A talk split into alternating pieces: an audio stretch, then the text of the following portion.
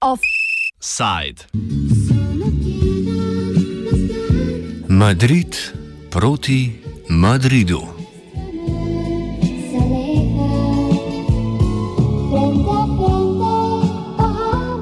Medtem ko v Sloveniji potekajo razprave o bodočih omejevalnih ukrepih pri spopadanju s širjenjem virusnih okužb in še ugibamo, kaj nas bo doletelo, se v osrednji Španiji z omejevalnimi ukrepi ukvarjajo že sedaj. Na tem področju poteka prava politična bitka med centralno špansko vlado in regionalnimi oblastmi v Madridu.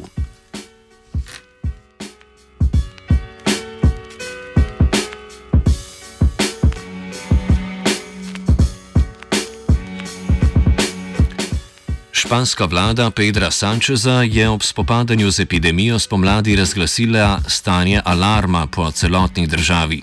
Na ta način je prevzela vajeti upravljanja z okužbami in je tako lahko omejila gibanje ljudi na posamezne regije. Čeprav gre razloge za stanje v Španiji iskati predvsem v šibkem stanju tamkajšnjega javnega zdravstva, je bila ocena vladnega spopadanja z epidemijo v španski in tuji javnosti takrat negativna. V drugo se je vlada odločila za drugačen pristop. Na mesto razglašanja nižje stopnje izrednih razmer, torej stanja alarma po celotni državi, je premijer sprva pozival regionalne vlade naj take razmere po potrebi razglasijo same in obljubil, da bo vse prošnje odobril. Toda za to se ni odločila nobena regionalna vlada. Sedaj pa je regiji Madrida stanje alarma vlada razglasila kar sama in tako omejila gibanje državljanov v regijo in iz nje. To je morala storiti, saj je visoko sodišče v Madridu omejitve gibanja na regijo, ne da bi bilo razglašeno stanje alarma, spoznalo za nezakonito. Na sodišče se je pritožila madridska regionalna vlada. Razmerje med centralno vlado in regionalnimi oblastmi na primeru zdravstva razloži španski politični analitik Eduard, Eduard Guelja. Spain is a decentralized country uh, but it's not a federal uh, country. So the regions have uh, a lot of powers and a lot of uh, competencies, but uh, they they don't have um, overrule over um, the the central government. Uh, it needs to be said that because the health. Um, competency, the health legislation belongs to each region, but it's the central government who uh, rules in in this kind of situation, and especially when there's a pandemic. Španija je v epidemiji bolezni COVID-19 ena izmed najbolj prizadetih držav. Kumulativno število okuženih se približuje številki 1 milijon. Za primerjavo, v tabeli ukrepov, ki jih je prejšnji teden predstavila slovenska vlada, je meja za paket v rdeči fazi, ki predvideva popoln lockdown, postavljena pri nekaj več kot 170 okuženih na 100 tisoč prebivalcev. Madrid in Navara sta med vsemi regijami najbolj prizadeti. V obeh regijah je bilo v zadnjih dveh tednih okuženih več kot 500 ljudi na 100 tisoč prebivalcev. V Madridu je okuženih zagotovo še precej več. Pri testiranju je namreč pozitivna kar petina vseh vzorcev, kar pomeni, da je virus splošno razširjen po populaciji.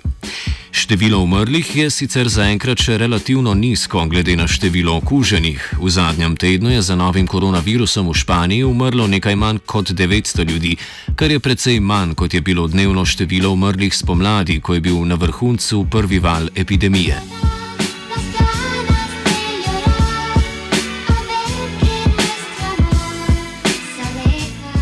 Lokalne oblasti v Madridu, kjer o podpori desničarske stranke Vox vladata konzervativni ljudska stranka in stranka Ciudadanos, so do ukrepov centralne španske vlade vedno zauzemale negativna stališča. Ljudska stranka je namreč v nacionalnem parlamentu opozicijska, vladata pa socialistična stranka in Podemos s podporo manjših lokalnih strank. The second wave of the COVID uh, in Spain was uh, alarmingly uh, high. And it was uh, concentrated in specific areas across the country, but it was in Madrid uh, at the beginning of September when when it started to to become uh, very problematic because uh, because of the density of population in Madrid, uh, it was very problematic. So uh, right now, what we have seen since March, it's uh, a very close relationship and a lot of meetings between uh, the health minister, the health ministry of the central government of Spain, and the 17 different regional health ministries of each region of Spain. So um, in Madrid, the central government uh, asked the region to implement mm, measures uh, in order to to control uh, the spread of the of the virus but uh, since the beginning, the, the regional government was very, very uh, reluctant. Why? Because uh, it's the region that um, it's controlled by the People's Party, and the People's Party wanted that the government of Madrid became the their first uh, sword and their first uh, image uh, across the country, so they can show how uh, it can be better managed uh, the virus in, in the region. Čeprav sta centralna vlada in madridska regija ustanovili skupno komisijo za vprašanje virusa, so v Madridu do implementacije skupnih politik zadržani, predvsem do omejitev gibanja. Centralna vlada namreč želi obdržati omejitev gibanja, vse dokler se ne bi število okužb v dvotedenskem obdobju v madridski regiji zmanjšalo na 200 okužb na 100 tisoč prebivalcev.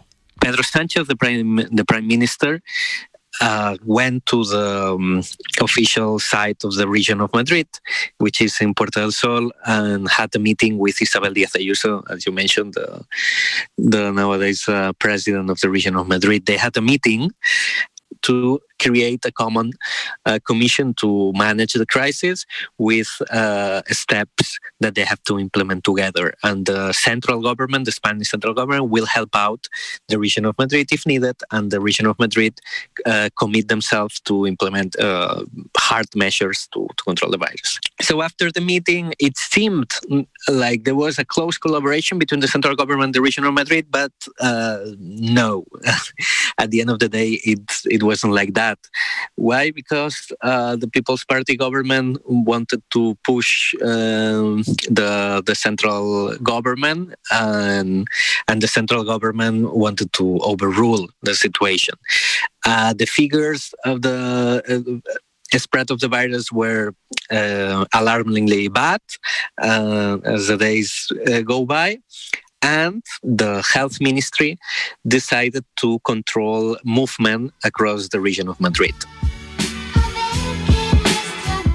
Madridsko vlado vodi Izabel Diaz Ayuso, ki v svojih javnih nastopih pogosto zagovarja potrebo po skrbi za gospodarstvo in ne toliko za zdravstveno stanje. She had no record. She um, used to work for Esperanza Aguirre, with, which was a former uh, People's Party president of the region of Madrid, and she was like an assistant.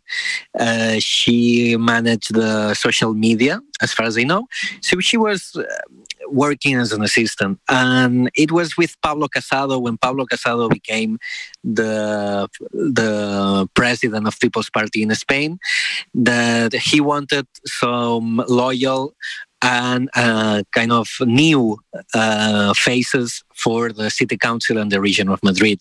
And Pablo Casado chose Isabel Díaz Ayuso uh, a bit randomly. Like it was because of her loyalty to Pablo Casado, uh, but Pablo Casado and no one in Spain knew what Isabel Díaz Ayuso uh, think about. Uh, uh, political debates on public services and all political uh, issues. So it was kind of it, was a bit of, of, a surprise, and it was um, unknown. So Isabel Díaz Ayuso created uh, a, a, character. Uh, that's my opinion. And she created a character that is very belligerent to to the central government. What we know is that she is uh, for businesses. What we know is that she rules especially for the conservative uh, society in the region of Madrid. And what we know is that she has a very strong discourse against uh, the Social Democrats and Podemos. Ukrepe, kot so omejitve kapacitet restauracij, knjižnic in drugih javnih prostorov, je vlada v Madridu sicer uvedla. They didn't do it very hardly at the beginning because of what I said before that they wanted to keep business businesses open and businesses as full as they can, but they did. Uh, they did implement measures in in you know restaurant capacity, as you said. Um, it, it's mandatory to wear the mask uh, even in the streets, uh, to close the bars and restaurants at, at 1 a.m. Uh, now it's midnight uh, to reduce capacity of all the um, uh, indoors uh, across the across Spain. It's not only region, the region of Madrid did it, and all the regions of Spain are implementing similar uh, similar measures. O pritisku Voxa z desne ljudska stranka tako zdravstvene razmere predvsem izkorišča, da bi se pokazala kot dejanska opozicija socialistični stranki, ne samo v besedah, ampak tudi v dejanjih. The region of Madrid is the first in GDP. In percentage of GDP, across all regions. It used to be Catalonia, but now is uh, is the region of Madrid. So it's the economical center, uh, not only the political, not only the the judicial, the not only um, the main focus of media, but it's also the economical center of Spain. And uh, the regional government and the city council is governed by the opposition uh, in the central government, by the People's Party, as I said. So, People's Party really have uh, an interest to uh, show Madrid management as um, as an op- opposite to the to the central government. Um, second, People's Party on the right, they have the extreme right party uh, Vox that in previous uh, programs I know that we talk about uh, Vox. Uh, and as you know, Vox uh, now have more than 50 seats in the Spanish parliament, which is, means quite a lot. And it's growing uh, in some surveys and it's um, eating some right voters from People's Party. So People's Party have this pressure to to show uh, the Spanish society as very very uh, in opposition to the um, uh, Social Democrat and Podemos uh, coalition government, and to show up very strong in their in their uh, words and in their opposition because of this uh, pressure that they have on on the right and Vox Vox is uh, out of the line uh, most of the time. Vox is pushing all the political debate towards uh, the right, and Vox has uh, had and it's having a real impact in Spanish politics in, in the terms that I mentioned, you know, in the political discourse. Offside je pripravil Martin.